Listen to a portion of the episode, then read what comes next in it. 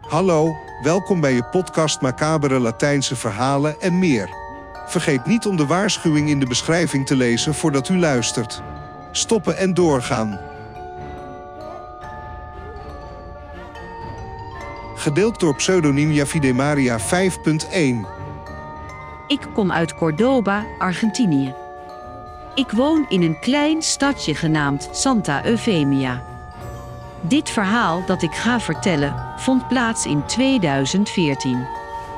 Ik studeerde bij mijn zus thuis sinds zij mij helpte. Op een dag ging ze naar haar werk en liet me met rust. Ik was in de keuken aan het studeren en om naar de woonkamer te gaan moest ik naar buiten. Toen ik klaar was met studeren, ging ik naar de woonkamer om mijn spullen achter te laten en naar huis te gaan. Toen ik binnenkwam en meteen naar de andere kant liep om het licht aan te doen. Toen ik aankwam, zag ik dat de schakelaar hieronder naast een bloempot zat. Ik zag duidelijk dat het een elf was met lang haar. Hij was ongeveer 35 centimeter lang en zijn ogen glinsterden door het licht dat van buitenaf werd gereflecteerd. Ik rende om het licht aan te doen en ik zag dat hij naar de badkamer rende. Op dat moment hoorde ik het geluid van een vallende beker. Ik weet niet waar het geluid vandaan kwam, maar mijn fluitje deed me naar huis rennen. Gedeeld door pseudoniem Escasurnandes 3. Ik kom uit Zamorre, Michoacán en mijn grootvader woont in Ario.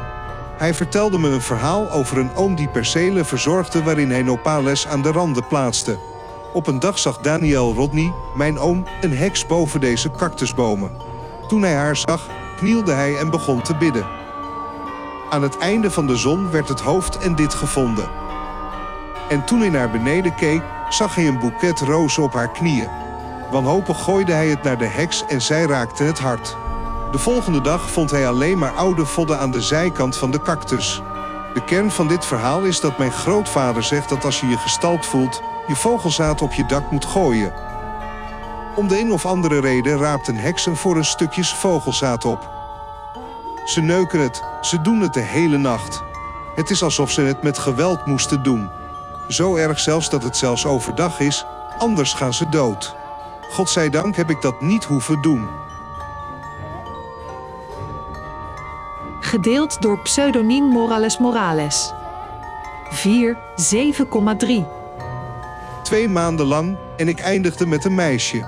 Het moet gezegd worden dat ik de dood altijd heb aanbeden, hoewel ik er ook niet zoveel belang aan hecht. Ik zeg niet dat ik niet in haar geloof, maar ik zal haar nooit aanbidden. Kortom, gedurende de tijd dat ik bij haar was, gaf ik haar een figuur van een rode dood, omdat ze zeggen dat het liefde betekent. Waar ze heel blij mee was. Naarmate de tijd verstreek, eindigde onze relatie, wat inhield dat we uit elkaar gingen en ze bij een andere man begon te zijn. Ze begon zelfs alle dingen te verbranden die ik haar had gegeven, met uitzondering van de rode dood. Op een dag ging ik naar zijn huis en vroeg erom. Ik brak het, het brak in tweeën, dus nam ik het bovenste deel. Daarna ging ik naar mijn huis. Onderweg vervloekte ik alles en vertelde hem dat hij mij in de steek had gelaten. Toen kwam ik thuis en legde het weg. Omdat ik gescheiden ben en een dochter in Mexico-stad heb die mij bezoekt, wist ik dat deze vakanties in augustus zouden komen, dus besloot ik haar te verhuizen. Toen ik ging kijken waar hij het had verborgen, was mijn verbazing dat het niet in zijn schuilplaats lag. Vanaf die dag hoorde ik alsof er iets over het plafond liep, zelfs in mijn kamer werden er dingen naar me gegooid. De waarheid is dat ik niet bang ben sinds ik vroeger naar een tempel ging. Vandaar mijn moed om onder ogen te zien wat er met mij gebeurt. Ik heb veel geleerd over hoe ik voor mezelf moet zorgen als ik met dit soort paranormale gebeurtenissen word geconfronteerd. Tegenwoordig gebeuren er nog steeds dingen met mij. Elke keer als mij iets gaat overkomen, krijg ik kippenvel. Het is alsof iemand me voor iets ergs heeft gewaarschuwd. Na een tijdje begin ik stemmen te horen en dingen weg te laten, maar ik begin gewoon te bidden en alles wordt weer rustig.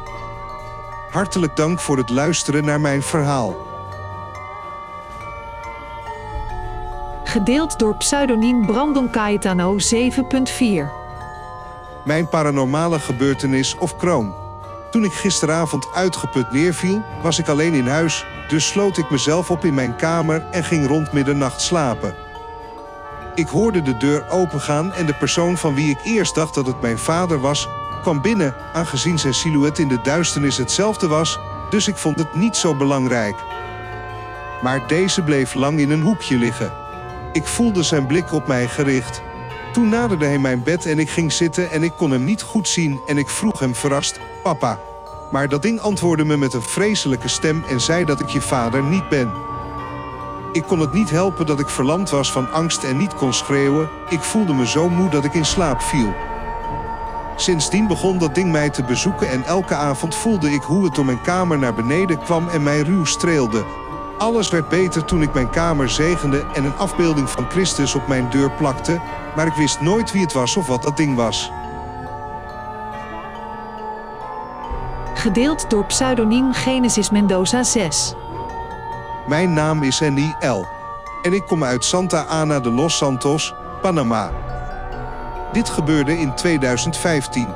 We waren aan het voetballen in de buurt van ons huis. Mijn broer was 9 jaar oud, mijn neef was 11 en ik was 17. Toen plotseling mijn neef Manuel een bal trapte naar een huis dat ongeveer 15 meter verderop stond. Mijn broertje Manuel ging de bal halen en klom over het hek. Hij kwam waar hij was en op dat moment zag mijn neef iets dat we nooit zullen vergeten. Het was een man die twee meter lang kon zijn en geheel in het wit gekleed was. Op dat moment begon de man, als je hem zo mag noemen, mijn broer te benaderen alsof hij hem wilde vastgrijpen. Gelukkig reageerde mijn neef en schreeuwde dat ik met het geluid mee moest rennen. De mensachtige ging in paniek de berg op. We renden naar het huis en het weinige dat ik zag was dat de man rende en zich verstopte in een pompoenboom, een soort met grote takken. We renden weg en ik vertelde mijn moeder wat er met ons was gebeurd. Ze vertelde ons dat 80 jaar geleden nog een gezin in dat huis woonde, dat de eigenaar daarvan de grootvader van mijn grootmoeder was en dat hij zei dat er vreemde dingen gebeurden, dat we ons geen zorgen hoefden te maken. Er zijn inmiddels twee jaar verstreken en gelukkig hebben we niets bijzonders meer meegemaakt. Gedeeld door pseudoniem Aniel Rodriguez 8. Dit is mijn verhaal. Een paar dagen geleden ging ik de zomer doorbrengen bij mijn beste vriend.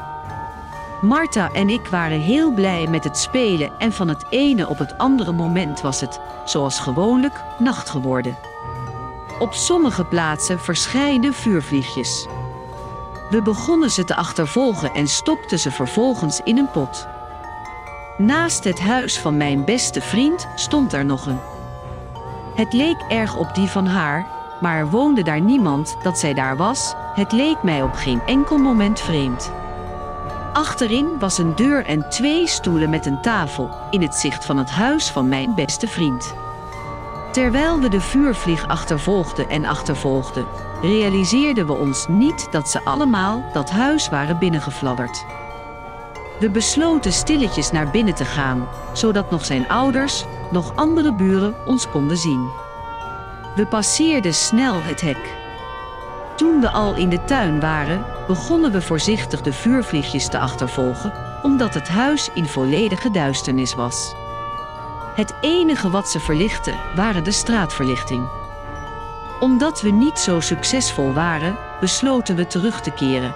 Maar toen we weggingen, voelde het alsof iemand naar ons keek, hoewel ik probeerde er niet veel aandacht aan te besteden. Toen we door de gang voor het huis van mijn beste vriend liepen, keek ik naar de achterdeur. Ik bleef daar en zag een oudere man in een witte trui. Hij had geen haar en droeg sokken en iets dat op ondergoed leek.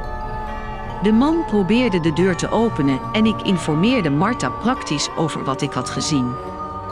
We aarzelen niet om het haar vader te vertellen als we het hem vertellen. Hij bracht een zaklamp mee en scheen ermee door de deur, maar er was absoluut niemand. Haar vader vertelde ons daarom dat de eigenaar van dat huis was overleden, dat het huis nu toebehoorde aan zijn dochters, maar dat het huis al een tijdje leeg stond. Dit gebeurde op de snelweg richting Saltillo, Monterrey. We waren met het hele gezin op reis, maar toen we nog maar 10 kilometer waren gepasseerd, hoorden we gelach. Het was extreem huiveringwekkend. Mijn vader vroeg ons of we het hadden gehoord en we antwoordden allemaal ja. Op dat moment zag mijn zus een schaduw uit de struiken. Gelukkig had mijn moeder op dat moment een rozenkrans bij zich en begon te bidden wat er in haar opkwam. Even later hoorden we weer gelach. Mijn vader beefde, terwijl mijn moeder doorging met bidden.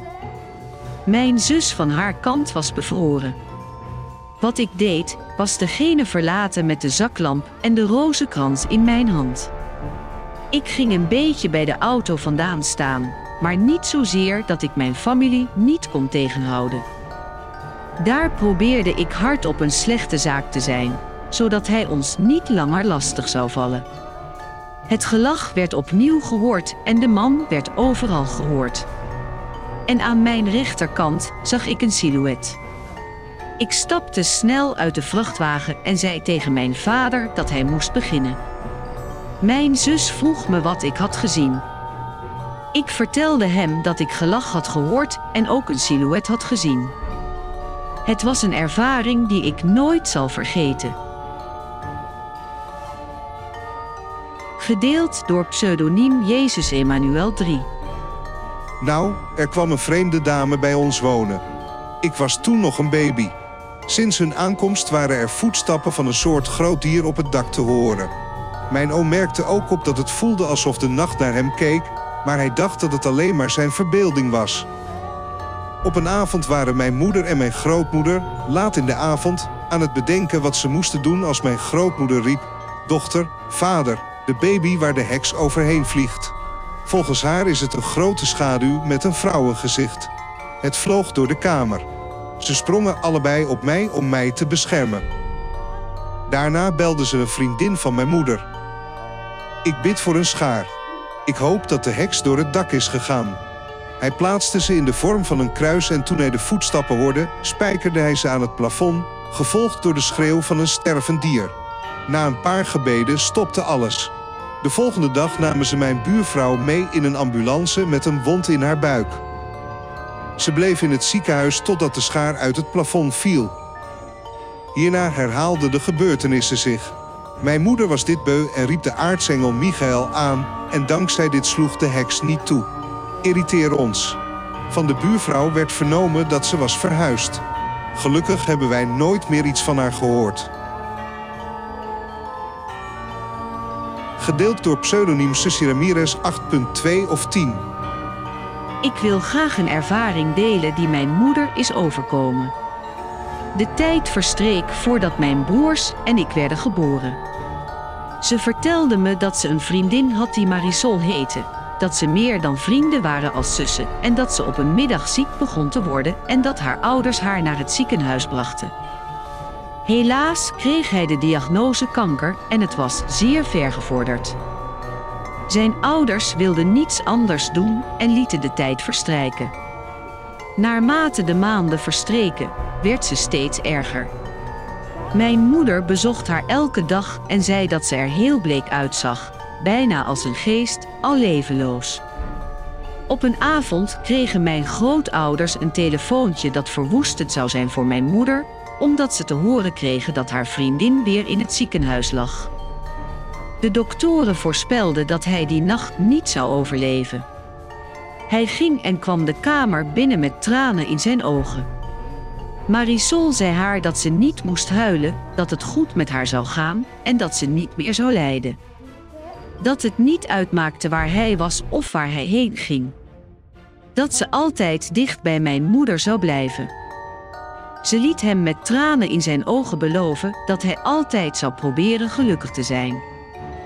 Het is tijd dat er een feit wordt gepresenteerd. Ging dood. Twee maanden na de dood van Marisol begon mijn moeder een aanwezigheid in haar buurt te voelen. Hij vertelde me ook dat ze op een avond, toen hij onderweg was, rond 11.30 uur, enkele lichten op de weg zagen. Het waren lichten van vrachtwagens op beide rijstroken. Mijn vader liet het stuur draaien en zorgde ervoor dat ze wegreden en in een heel diep ravijn vielen. Na de enorme klap was ik nog steeds half bewusteloos, maar mijn moeder hoorde een stem die tegen haar zei: Word wakker, wees niet bang. Alles komt goed. Er is al hulp onderweg. Er ging nog geen minuut voorbij en de ambulancebroeders arriveerden. Ze konden niet verklaren hoe ze er levend uitkwamen. De auto was volledig vernield. Mijn moeder zegt dat het haar vriendin was die hem die nacht heeft gered en dat ze altijd bij hem zal zijn tot de dag dat ze sterft. De dag dat ze eindelijk weer samen zullen zijn. Volg ons op onze sociale netwerken waar u uw mening kunt geven. In de beschrijving vindt u de e-mails waarmee u uw verhalen kunt verzenden als u deze wilt delen. Ik waardeer je voorkeur. We horen van je in de volgende aflevering. Macabere Latijnse verhalen en meer.